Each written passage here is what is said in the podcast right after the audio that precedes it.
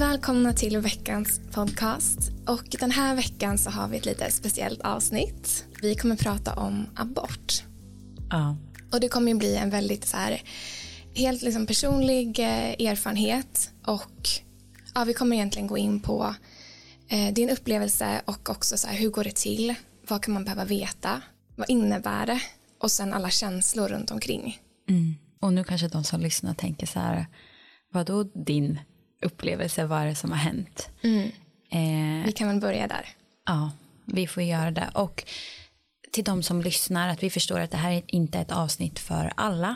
Ehm, och eh, det enda vi kan göra idag det är ju att vi vill lyfta ämnet för att vi vet att det är många som har gått igenom en abort och det är ingenting som man pratar om. Och eh, precis ja, men när det handlar om kvinnohälsa så för oss är det ju jätteviktigt att lyfta alla delar. Verkligen. Och precis som du säger att så här, man inser ju, ju äldre man blir, eller på att säga, att så här, det är så många som har gått igenom abort som man inte har vetat om just för att man pratar inte riktigt om det. Och det, det är därför vi vill dela det här, just för att visa en erfarenhet. Och som sagt, det är så olika från person till person, hur man upplever det, eh, hur det känns och varför man väljer att göra det och så vidare. Men det blir i alla fall en, en vinkel och en aspekt. Ja, verkligen. Och det känns nästan så här, åh, jag har ju verkligen inte berättat om det här för jättemånga, eller de i min närhet har ju varit väldigt transparent med från första början. Men det känns lite läskigt att dela det på det här sättet. Samtidigt så känns det verkligen rätt. Mm. Ja, men jag förstår det och vi har ju bollat fram och tillbaka så att ska vi, ska vi inte eller vill du Ehm, och vågar du? Och ja, det, jag tycker det är superfint och modigt att du vågar men jag förstår också att det är läskigt med tanke på också att det är också en fråga som väcker väldigt, väldigt mycket känslor. Inte bara för att man inte pratar om det utan också för att graviditet är ett ämne som är väldigt känsligt om man till exempel försöker bli gravid att höra om någon som blir det och väljer att ta bort det. Mm. Så är det verkligen. Och eh, ja, men om man spolar tillbaka bandet lite. Om någon hade frågat mig för fyra månader sedan, skulle du någonsin kunna göra en abort? Då hade jag sagt nej. Och det här är någonting jag och Oliver har pratat ganska mycket om att men skulle jag bli gravid då är, eller jag, vi, eh, blir gravid då är det menat och jag är ändå på en, liksom en plats i livet där vi är helt säkra på varandra men också att på ett sätt har jag ju aldrig känt mig så redo som jag har gjort nu och du och jag har ju pratat ganska mycket om det att man börjar känna sig redo på ett helt annat sätt än man har gjort tidigare. Ja, ja, men precis som du säger att för några år sedan om vi hade pratat om vad skulle vi göra om man, om man blev gravid då hade det varit, i alla fall för mig, en så här, nej men jag hade nog gjort abort. Men just som du säger, så här, sista året kanske, så har det helt förändrats. För oss båda i alla fall, när vi har pratat om det. Ja, och om jag kollar tillbaka, jag har alltid stått ganska fast vid att jag inte skulle göra en abort. Och sen när man tänker på det så har jag tänkt så här, men, om man får det här barnet så kommer man älska det och så är det ju verkligen. Så det är det som är så sjukt, att nu sitter jag ändå här och har gjort en abort. Fast jag har i så många år tänkt att skulle det hända mig så skulle jag inte göra det. Och eh, framför allt inte nu när jag är 29 år och för fyra månader sedan liksom, då hade jag bara all, nej absolut inte. Men det är också att vi kommer ju det senaste året eh, så vi pratar ju med väldigt många kvinnor som har utmaningar kopplat till menscykeln och eh, deras största dröm är att bli mamma och det är ju våran största dröm också. Mm, verkligen. Alltså det är ju någonting man längtar efter så så mycket och alla gäster vi har haft med i podden, vi var på Sannes event, alltså man känner sig ju så kallad till det här. Ja men exakt, att så här, vi båda har ju känt så speciellt sista typ året med tanke på att så ja, men vi är 29, vi båda har en partner som vi ser som så här, pappan till våra barn. Eh, och då har det blivit väldigt påtagligt och sen samtidigt så får man höra från så många kvinnor i, i communityn som antingen försöker eller har blivit gravida. Ja, men någonstans har vi ju haft en rädsla att inte kunna bli gravid och framför allt jag som har haft ja, men fem år av utebliven ägglossning och mens som, ja, men den har inte varit superstark min cykel. Precis, så har det gjort då att du har känt så här, kommer jag kunna bli gravid? Ja, men lite så. Samtidigt så vet jag ju också att jag gör rätt saker och grejen är, man det är inte så att man testar och ser funkar det eller funkar det inte. Det Nej. gör man ju inte. Nej. Så att man vet ju inte men just den rädslan har jag väl haft på ett sätt. Sen har jag jobbat väldigt mycket med mig själv och förstått att den rädslan jag har känt kanske inte har varit min rädsla. För egentligen när jag tänker tillbaka, jag har inte varit rädd för det. Utan det har ju blivit att man har tagit på sig andras rädslor. Men också att jag stöttar ju människor runt omkring mig som går igenom IVF. Och man ser deras resa och det är ju supertufft liksom. Så men man har fått respekt för det på ett annat sätt. Eh, men det här avsnittet är också till för att ge hopp. Verkligen. För det är ju verkligen, precis som du säger, att du var ändå utan mens och ägglossning i ja, fem år. Ja, jag var ju inte det men från och till. Från den var ju inte regelbunden på något sätt. Ja, för hur länge hade du regelbunden ägglossning innan du blev gravid nu då? Ja, för jag blev ju gravid. Ja, om man räknar på det här så var det ju typ eh, fjärde november. Det var liksom sist, första dagen på första mensen. Liksom. Så att jag visste ju direkt när jag var gravid, eller blev gravid. Ehm, så innan det, cykeln har ju nästan varit regelbunden i nästan ett och ett halvt år. På ett eller annat. Sen, sen har jag haft ganska kort lutealfas, det vill säga fas 3. Så jag har jobbat väldigt mycket med livsstil för att stärka upp just ägglossningen. Eh, så att jag kan få en längre fas eh, 3. Och det har ju verkligen funkat. Ja, men jag har verkligen boostat och jobbat mycket med trimester zero. Det är ju den här tiden innan man kan bli gravid och det är där jag har ju satt mig in så, så, så mycket i det senaste halvåret. Halvåret, ja. Och på det sättet är det ju magiskt att de sakerna jag har gjort eh, De har bevisligen har gett effekt. Ja, verkligen. Ja, men för du har ju gjort många olika, tagit väldigt mycket action på saker som då boostar fertilitet inför att kunna bli gravid.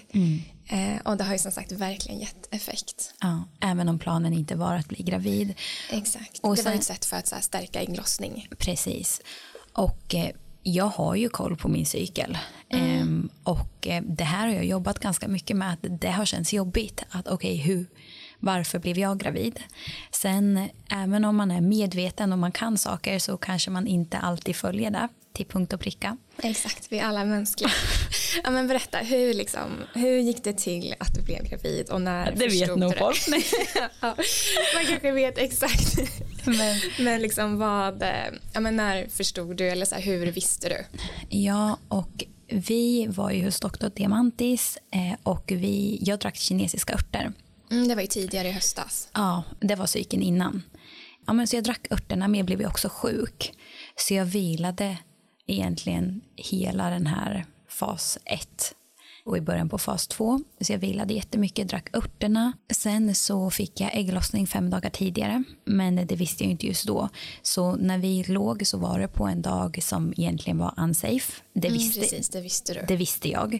Och sen blev det bara misskommunikation i sängen. Liksom. Eh, yes. och det har ju de flesta av oss kanske varit med om någon gång. Ja, och det blev bara en halv sekund för sent liksom. Och direkt efteråt så visste jag, alltså jag bara fick en känsla att så här, okej det här var inte en säker dag. Ehm, och jag garvade liksom till Oliver och bara så här, ja du, du får ta ansvar för det här. Han var vi såklart, för det var verkligen så här, det var ingen av oss utan det var ju båda. Så att, och sen fick jag ägglossning två dagar senare. Mm. Och jag kommer ihåg att du sa ju det här till mig, jag tror att det var dagen efter, innan du ens hade haft ägglossningen. Att du bara, det här var inte bra, det här är liksom, det känns som att jag kommer få ägglossning nu. Ja, eh, så jag fick ägglossning två dagar senare.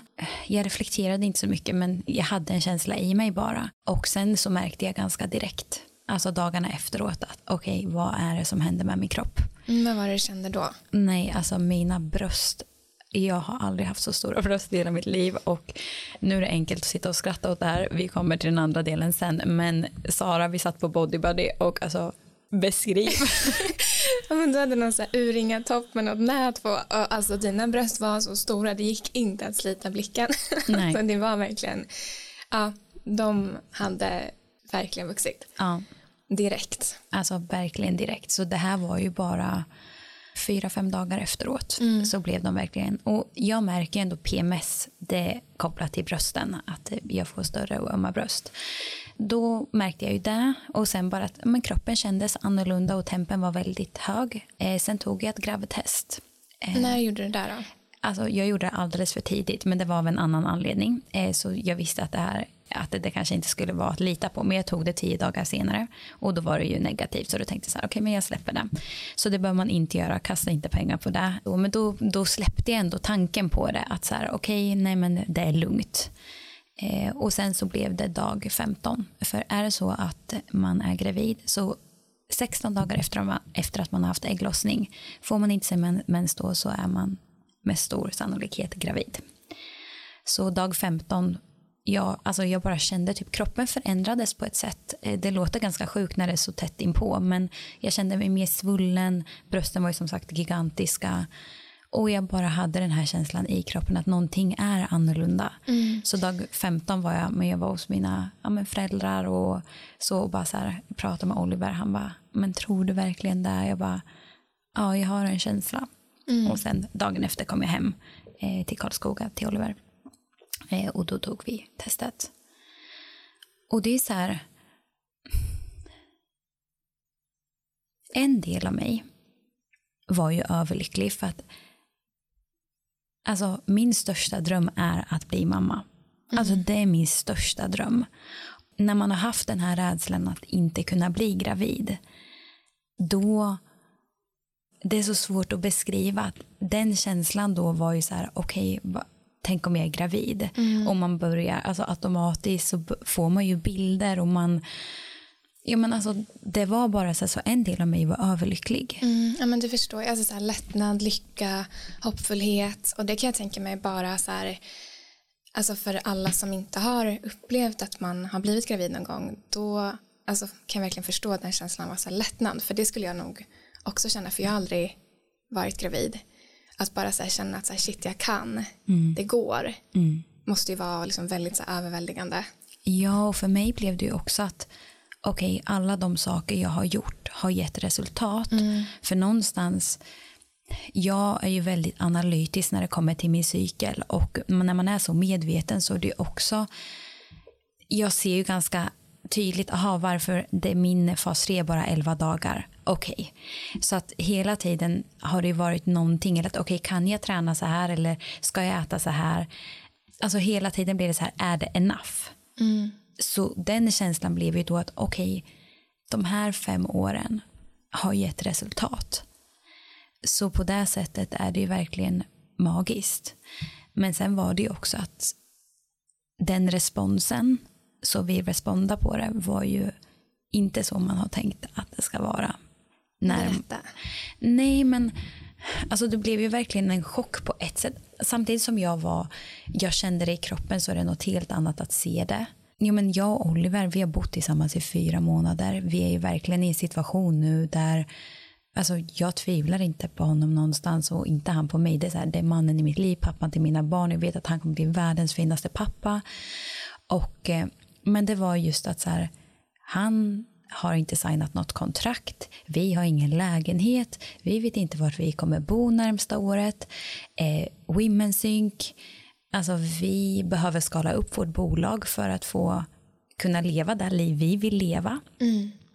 Och för att kunna göra det så kommer vi också, det kommer krävas väldigt mycket av oss. Precis, det är svårt att se en mammaledighet i bolaget just nu. Precis, alltså det, det går ju inte rent ekonomiskt. Alltså det hade varit svårt, vi hade mm. löst det såklart. Men det eh. blir ju en viktig aspekt, alltså det är att så här, när det väl blir verklighet då blir ju alla de här sakerna Alltså på riktigt liksom. Ja. Får man ihop det? Hur blir det bra? Mm. Vi, bara, alltså, vi var ju fett chockade först bara och bara okej okay, vad är det som händer?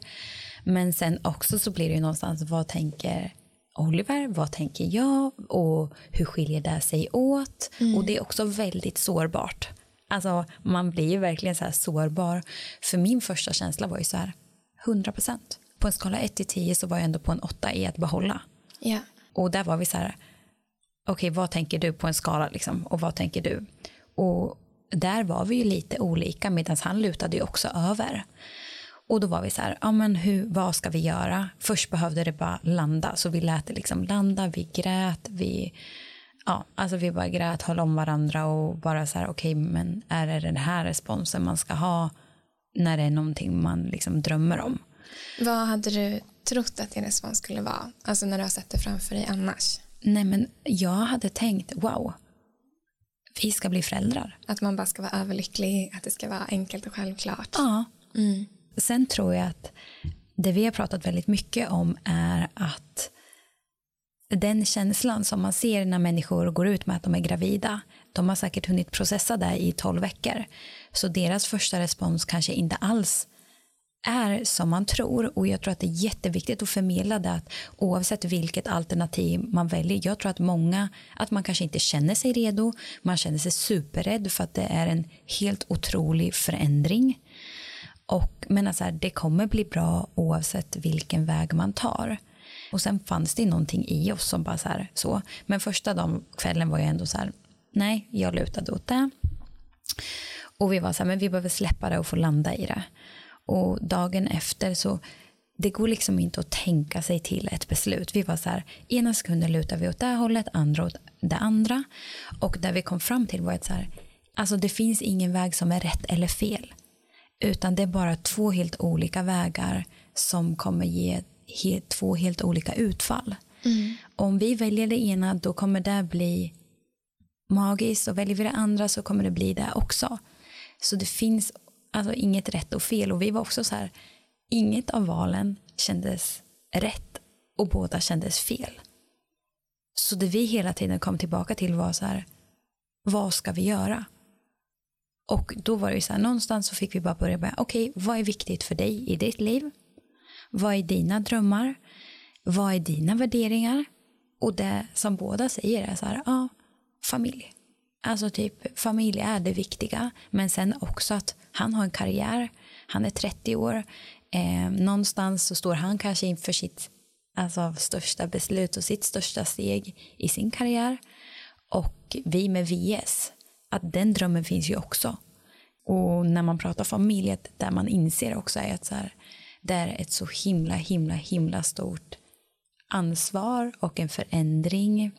Så någonstans var det så här, men vad är viktigt för dig? Och där var vi så här, vi är på exakt samma bana. Och så börjar man tänka så här, ja men okej okay, om det hade varit om ett år, då hade vi inte tvekat. Och då blev det först så här, okej okay, så det handlar egentligen bara om ett år. Vad, alltså ett år är ju ingenting. Mm.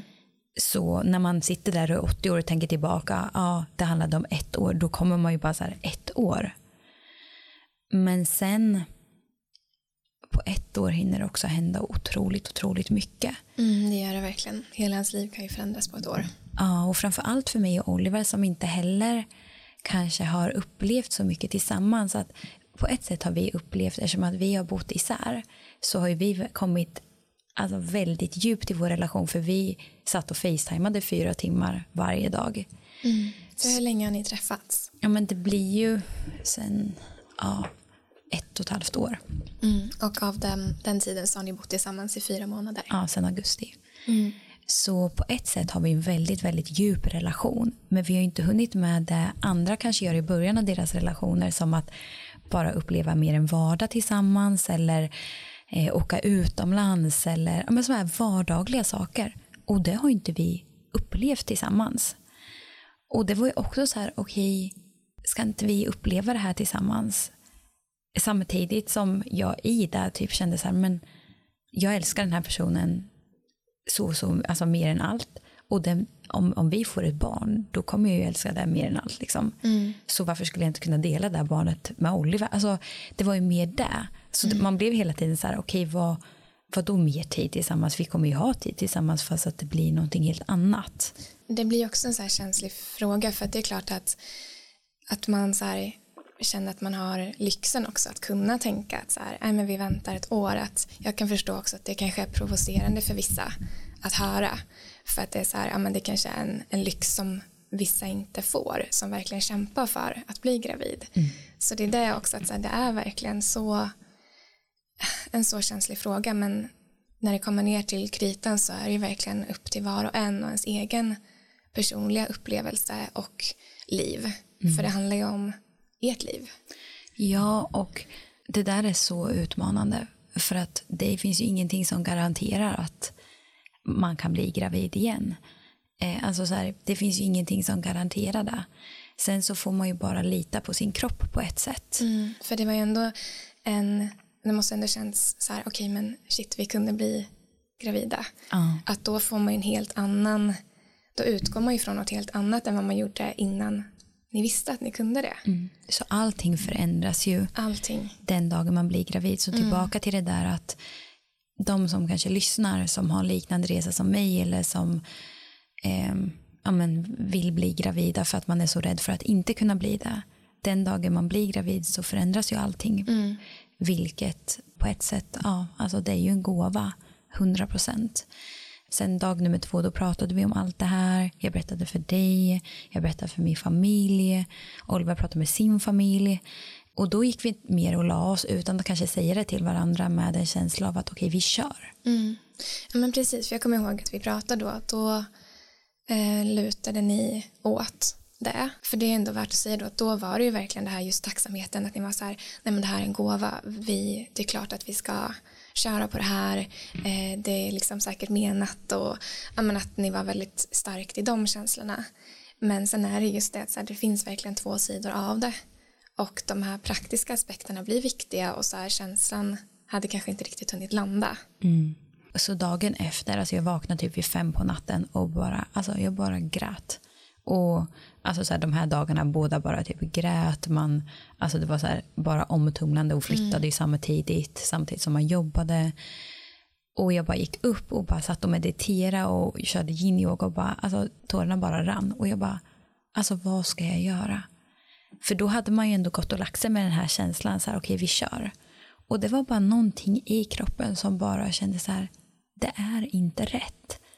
Alltså jag kan inte beskriva det, så den känslan hade jag. Sen gick jag in till Oliver vid typ sju liksom och bara och båda bara typ grät och så bara pratade vi om det och hans känsla hade ju också ändrats. Och då hade jag bokat ett, en tid med en medium också. För att, och det är så här, jag lägger inte ett val, ett sånt val i någon annans händer. Det är inte det jag säger. Men för mig är ändå det spirituella, alltså det är vägledning på ett eller annat sätt. Ehm, och just då så behövde jag bara ja, men få en form av liksom vägledning. För jag vet att så här, hon skulle aldrig ta ett val. och så. Men då hade jag bokat in det med henne så vi två körde det med henne. Och då var det ju så här, nej men det hon sa det var alltså på ett sätt hårt. Så jag tänker att eh, hon var verkligen så här ärlig och öppen. Hon sa inte gör så eller gör så utan hon sa så här okej den här vägen kommer innebära det här. Eller kan innebära det här. Den andra vägen kan innebära det här. Och de sakerna hon sa bekräftade både det jag och Oliver kände. Alltså så, så starkt. Efter det, alltså vi, vi pratade ju om det igen och bara så här, vad ska vi göra? Och det landade i att så här, okej, det är inte rätt nu. Och det var ju som när vi pratade med dig, att det var så fint för att en del av mig, alltså jag har aldrig känt mig mer redo. Och det är, ja men du sa också det att ofta när man gör det, då kanske det är så här att personen man är med, att inte det är rätt. Eller att det är att man kanske vill ha barn om tio år. Men inget av det här stämmer in på oss. Men att det är också okej att, omständ att omständigheterna kan vara det enda som inte gör att det känns rätt. För det var där jag insåg att okej, om vi ska ha barn i augusti, alltså stressen i mig var så här, okej, hur ska vi hinna allt det här? Vi vet inte ens vart vi bor. Det är in på sista januari. Vi bor hos våra föräldrar nu för att det inte är klart. Alltså det var så här, det är så många delar som ska falla på plats, men också att i en graviditet så vill jag landa i det och det är ett val. Det är inte det jag säger nu att jag kan ju välja att landa i det.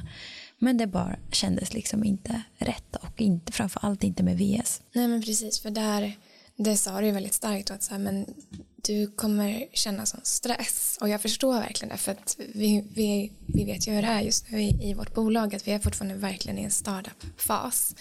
Jag vill ju inte heller att du ska känna att du är stressad under hela din graviditet och så här, hur bra blir det för dig och för barnet och alltså hela upplevelsen påverkas ju då av att så här, det är inte ett läge där du kan slappna av eller ens här, kunna ha ordentlig mammaledighet eller kunna få mammapenning. Alltså det är ändå mycket sådana saker som då gör att så här, det är inte en stress som man vill ha. Nej.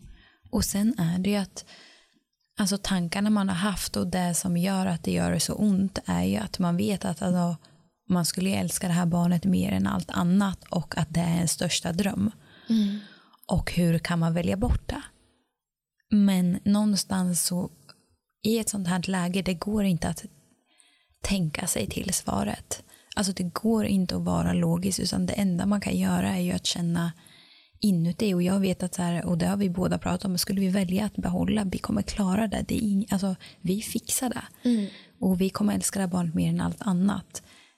Men någonstans behöver man bara lyssna in.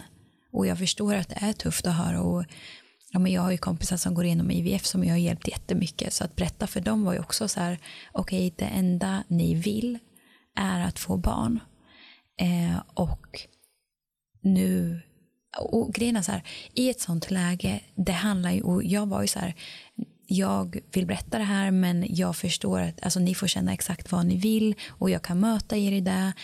Men också så här, det handlar inte om mig som alltså person utan det här handlar ju bara om deras resa och vad det väcker inom dem. Mm. Men det är klart att man hade känt i det här läget att så här, okej, okay, vad fasen, jag önskar bara er det här. Och sen så var det ju att de vet ju också att jag har varit så här, men jag jag skulle kunna börja snart för att man har varit så rädd. Ja, precis, alltså börja försöka. Precis. Mm. Ehm, så att det har ju verkligen, jag, alltså de som har gått igenom samma sak, alltså jag beundrar er för det är verkligen en sjuk process både fysiskt, att vara gravid och att känna det och sen emotionellt att ja, men gå igenom det. Det är verkligen alltså så, så, så tufft. Mm.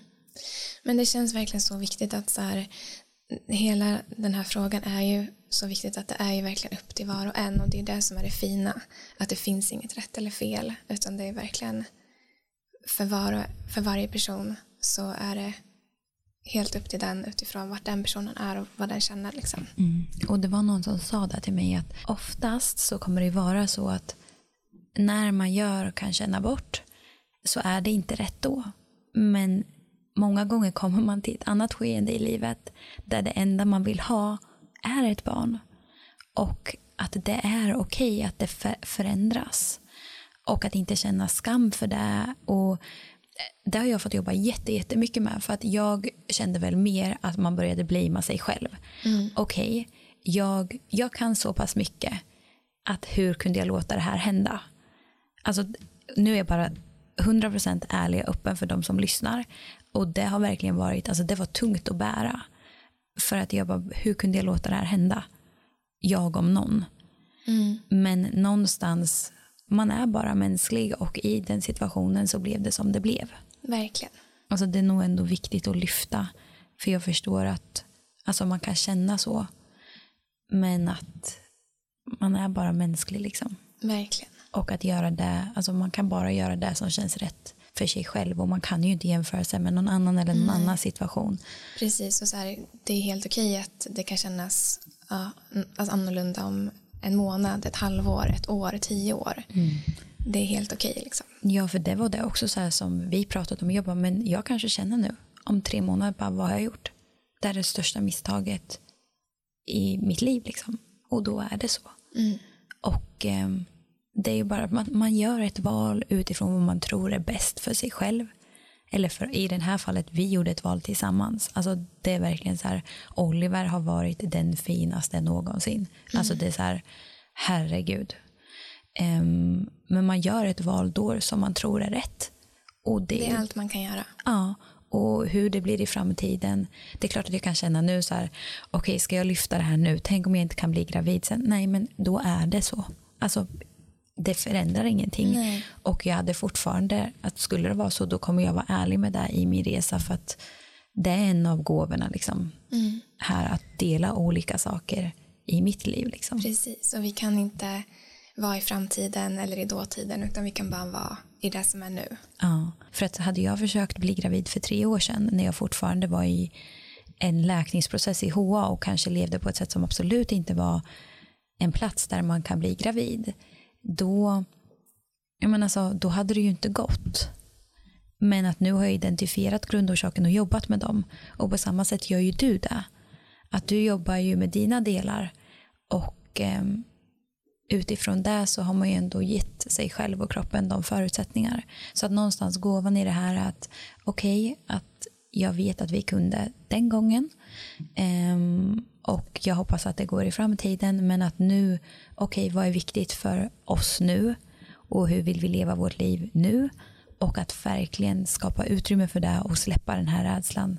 Jag tror Josefin sa att det var så här i 99 procent av fallen så, så kan man bli gravid. Ja, och sen är det ju, alltså till er som om ni lyssnar och ni kämpar så alltså det tar inte ifrån att det är sjukt jobbigt på alla, alla sätt. För det är så här, vi är vana att kunna men kontrollera på ett sätt. Vill vi någonting så är man i det här samhället så van att bara, bara jag presterar eller gör lite till så kommer jag åstadkomma det här. Men med en graviditet så är det nästan tvärtom. Att någonstans att man mer behöver slappna av och släppa taget och mer landa liksom i kroppen och det kan låta så flummigt. Mm. Um, men att i många fall går det men det kan också vara att man lever på ett sätt som inte är anpassat utifrån sig. Exakt, att det finns oftast väldigt mycket man kan göra och det ser vi verkligen bevis på hela tiden i Women's Inc och i din resa mm. i det här. Mm.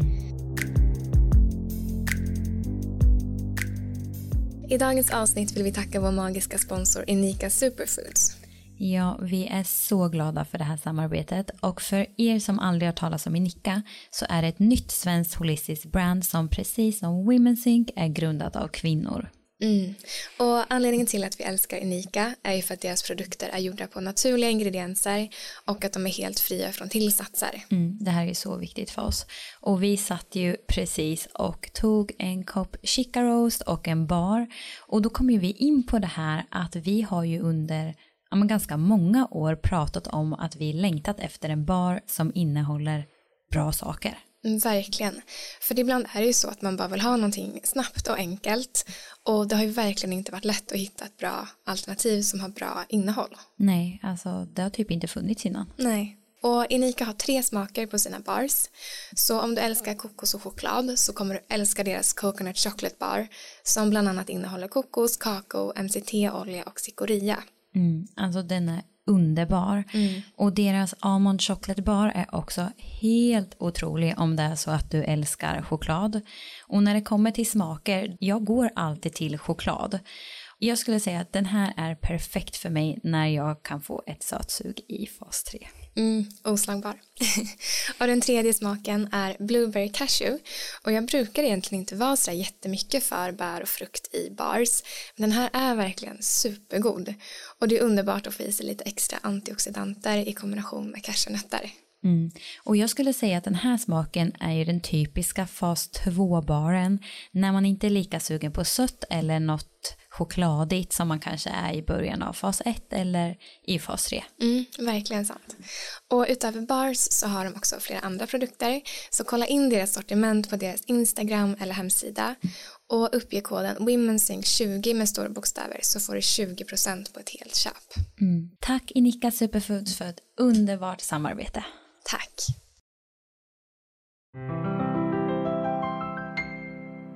Jag skulle jättegärna, och jag tror många lyssnar också, gärna skulle vilja veta rent praktiskt hur går en abort till? I och med att man pratar så pass lite om abort, jag har ingen aning. Hur, hur går det till? Hur, känd, alltså, hur upplevs processen eller hur upplevde du den? Liksom? Mm. Alltså, jag, med tanke på att jag fick ju reda på det direkt. Mm, väldigt, jag, väldigt tidigt. Ja, men alltså dag 16 visste jag att jag var gravid.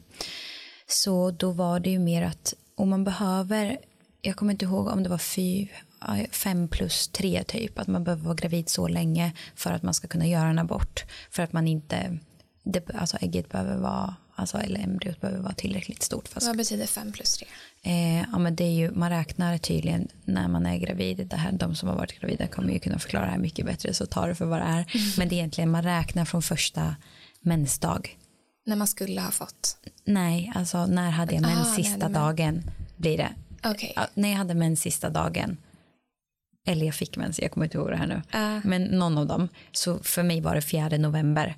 Och så räknar man ut, okej okay, vad är jag då i för vecka? Så två veckor är ju egentligen, de första två veckorna är ju fas 1 och fas 2. Eh, så de räknas ju liksom med uh, okay. i graviditeten. Liksom. Så jag var ju supertidig liksom. Och då var det mer att man fick boka en tid hos kvinnokliniken. Um, och jag gjorde... Ringde man upp vilken som helst då? Ja, och grejen vi flyttade ju då. Uh. Så att vi, jag behövde hitta något i Stockholm.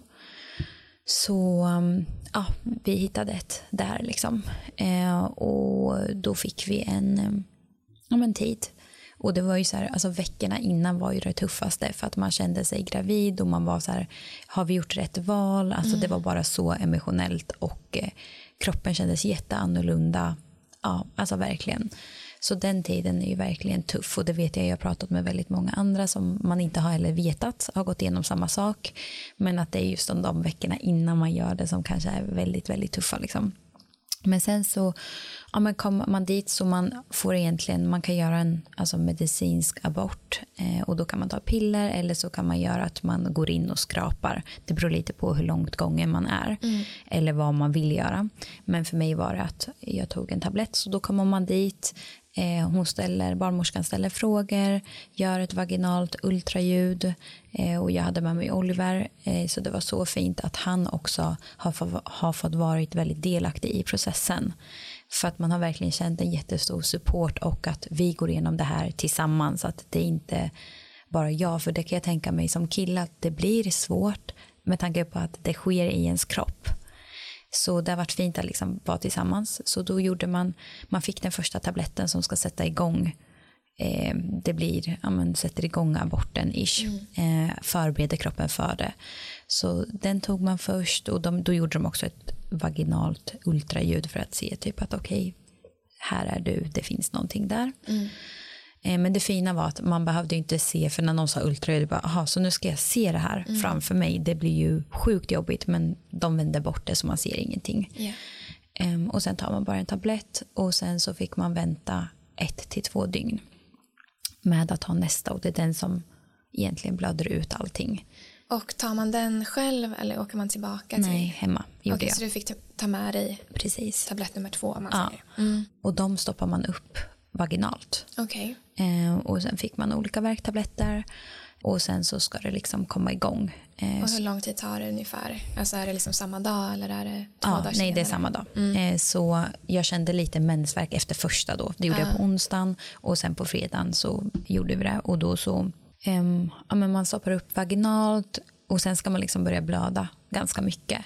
Men för mig, alltså jag blödde inte jättemycket, lite bara. Så då hade man extra och de skulle man ta liksom via munnen. Mm. Så jag tog extra för att liksom verkligen blöda ut och då kunde man ringa och bolla med dem så man visste hur man skulle göra. Och den processen var ju verkligen, eh, alltså det gjorde sjukt ont. Det var bara så här, värmekudde, ligga i sängen. Alltså, och det fina var att så här, vi kollade lite på serier men sen var det bara så här, det gjorde ont. Så, alltså, vi, vi bara låg och typ kramades och det var så här. Sen går man på toa, man blöder ut. Då var det bara så här, sen gick jag och la mig liksom. Så jag gjorde det vid typ 12. Och sen så, men sen hade jag liksom ont resten av dagen. Mm. Och de säger ändå så här, men det kan vara bra att röra sig och så. Eh, för det hjälper att blöda ut. Men så här, alla får ju känna in vad känner man är rätt för sig. Det kan ju också vara så här, när man har fett ont så bara, ja det är inte så att jag är supersugen men superbinda och gå ut och Nej. PV liksom. Så ja, så var det och sen så kan det ta, ja men man kan blöda i mellan typ så två till sex veckor. Så jag, eh, jag hade ganska ont dagarna efter. Um, så. Och jag, alltså så här, ena delen i mig var ju så här, ja men jag vill bara träna eller ja, bara för att så här, okej okay, nu har jag gjort det här. Och bara så här, så. Ja, eh, men sen pratade jag med Josefin som var här, Hemmingsson, eh, hon är också sjuksköterska. Och då var det så här, men gör mer gin saker, så mer typ lugna promenader, yoga, sådana saker. Så det gjorde jag i början, men sen tränade jag något pass och då kändes det bra, men sen kunde jag få jätteont efteråt. Liksom. Så ja, sen blöder man mm. ett tag och jag stöttade upp med örter. Mm. Hur, hur och när och varför? Men, men så överlag tänkte jag så här, okej, okay, jag vill ge min kropp det bästa jag kan. Så dels alltså med typ kosten att bara så här okej okay, tänk som VS filosofi liksom. Men mycket också värmande saker um, och så drack jag kinesiska örter. Så första två veckorna drack jag kinesiska örter som skulle vara för yang mer att hjälpa till att blöda ut. Uh, och sen så drack jag örter som var mer yin som skulle hjälpa till att balansera upp. Så jag hade druckit klart uh, de mer yang-örterna då slutade jag typ blöda så jag blödde i två veckor. Och sen så ja, började jag med de andra örterna helt enkelt. Och sen så här, jobba mycket värmekudde och sånt så att det blir värme för livmodern och typ så här. Så. Mm. Och det här med örter är ingenting som man måste ta utan det här var någonting du Absolut valde inte. liksom. Verkligen att- inte. Ja. Mm. ja. Men hur har tiden känts nu efter? alltså kaos på ett sätt. Och kroppen har känts väldigt annorlunda.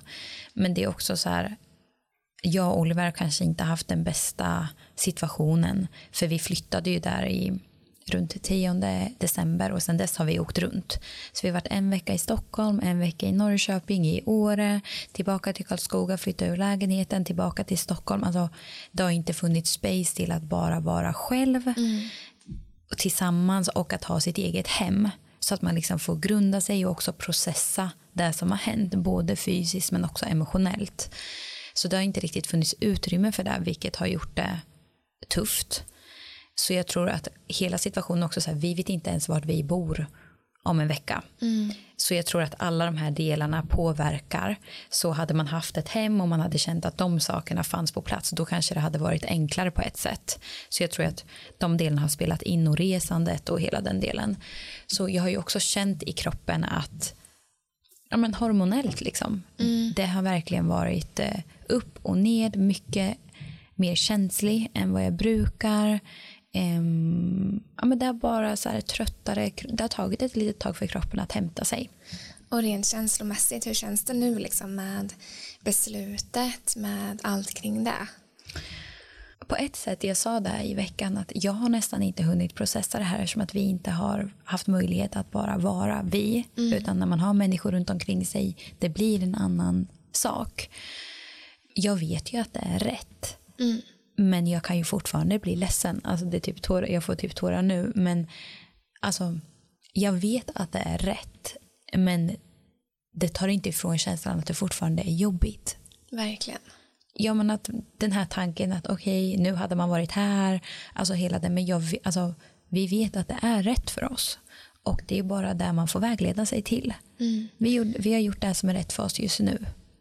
Precis. Okej. Och det, det är därför det känns också viktigt att prata mer om abort för att kunna stötta varandra i det. För det måste vara en otroligt känslosam upplevelse, såklart.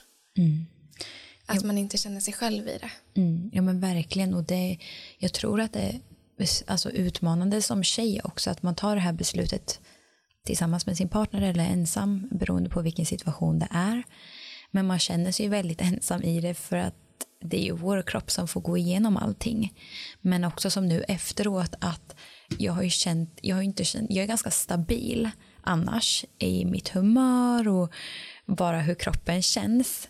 Men nu har jag varit, alltså jag har känt känslor som jag inte brukar göra. Alltså jag kan typ spola tillbaka tiden 15 år när jag bara så här kunde känna en frustration som bara bubblar upp i mig och det är som att jag inte kan hejda det.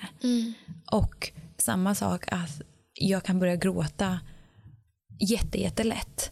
Så, och det har Och vi det är verkligen hormonerna. Precis, så, alltså typ en fas 3 som är skit. Så har det varit. Och där har vi pratat mycket för att det blir också en ond spiral i att när man känner så här, okej, vem vill jag vara som människa?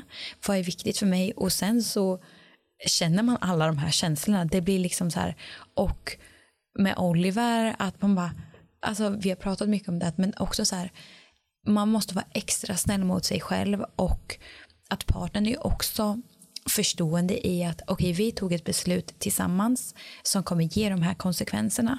För att för jag blev ju också rädd för att om jag gör det här kommer jag sabba min cykel som jag nu har jobbat för så här länge. Men också då bara det går över så jag kände ju förra veckan bara ja det är så mycket fas 3 så att det är helt sjukt.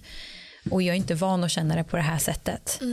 Ehm, men jag fick ju min mens i förrgår. Så det kändes ju verkligen otroligt att den kom tillbaka. Så den kom ju tillbaka, ja vad blev det? Fem veckor efteråt. Ja.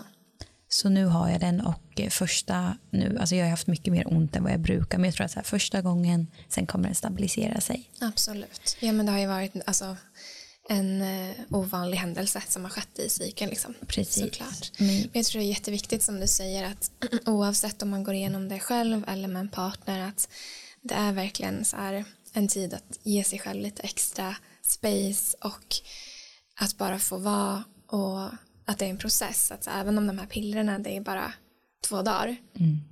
Men det är klart att tiden efter kommer att vara speciell. Mm.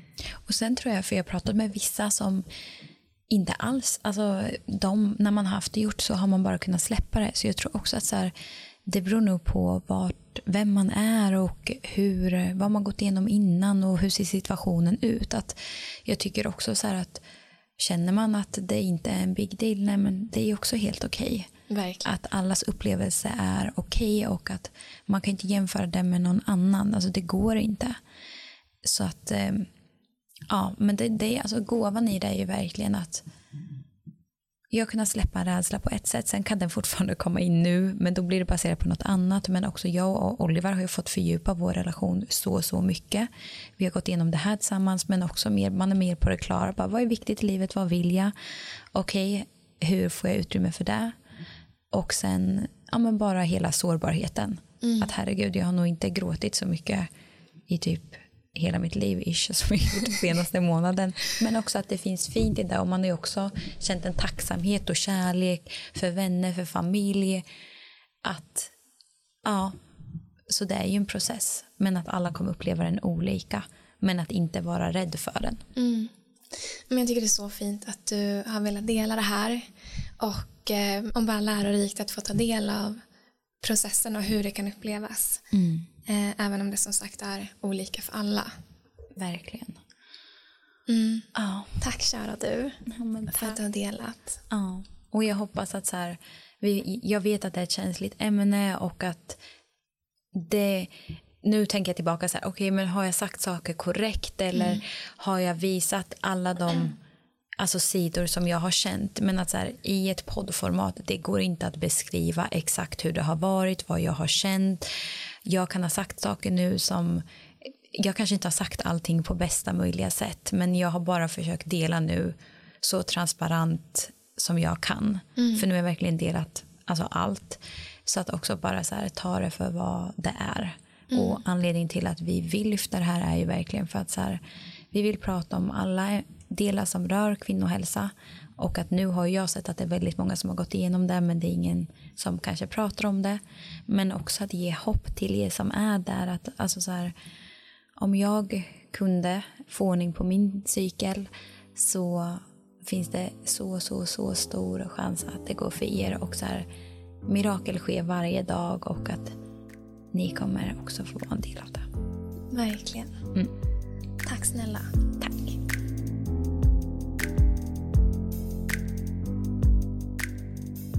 Vi vill bara passa på att lyfta vår nya produkt Chica Roast. Ja, det här är en så efterlängtad produkt för alla oss som vill minska på vårt koffeinintag och har letat efter ett alternativ till kaffe. Ja, för vi har ju faktiskt letat och letat efter ett alternativ som ja, skulle påminna om kaffe i smaken men som inte rubbar hormonerna och inte urlakar kroppen på viktiga näringsämnen. Och Chica Rose blev helt enkelt svaret på vårt sökande. Precis. Och Chica Roast är gjord på 100% ekologisk cikoria-rot och har en smak som påminner väldigt mycket om kaffe med de här rostade och nötiga smakerna men samtidigt har en hint av choklad och lite sötma. Den är ja, men, så god och vi vet ju hur viktig ja, men, den första koppen kaffe är på morgonen för ja, men, många av er och ja, men, nu har vi äntligen hittat ett alternativ som toppar kaffe. Verkligen. Och det bästa med den här produkten är att den till störst del består av den prebiotiska fibern inulin. Och inulin kan ha en mängd positiva effekter för både matsmältning och även för blodsockret. Och dessutom så har den lugnande effekter så man kan dricka det på eftermiddagen och på kvällen utan att det påverkar vår sömn. Vi hoppas att ni är lika taggade som oss på att testa den här produkten och du hittar den på vår hemsida womensig.se.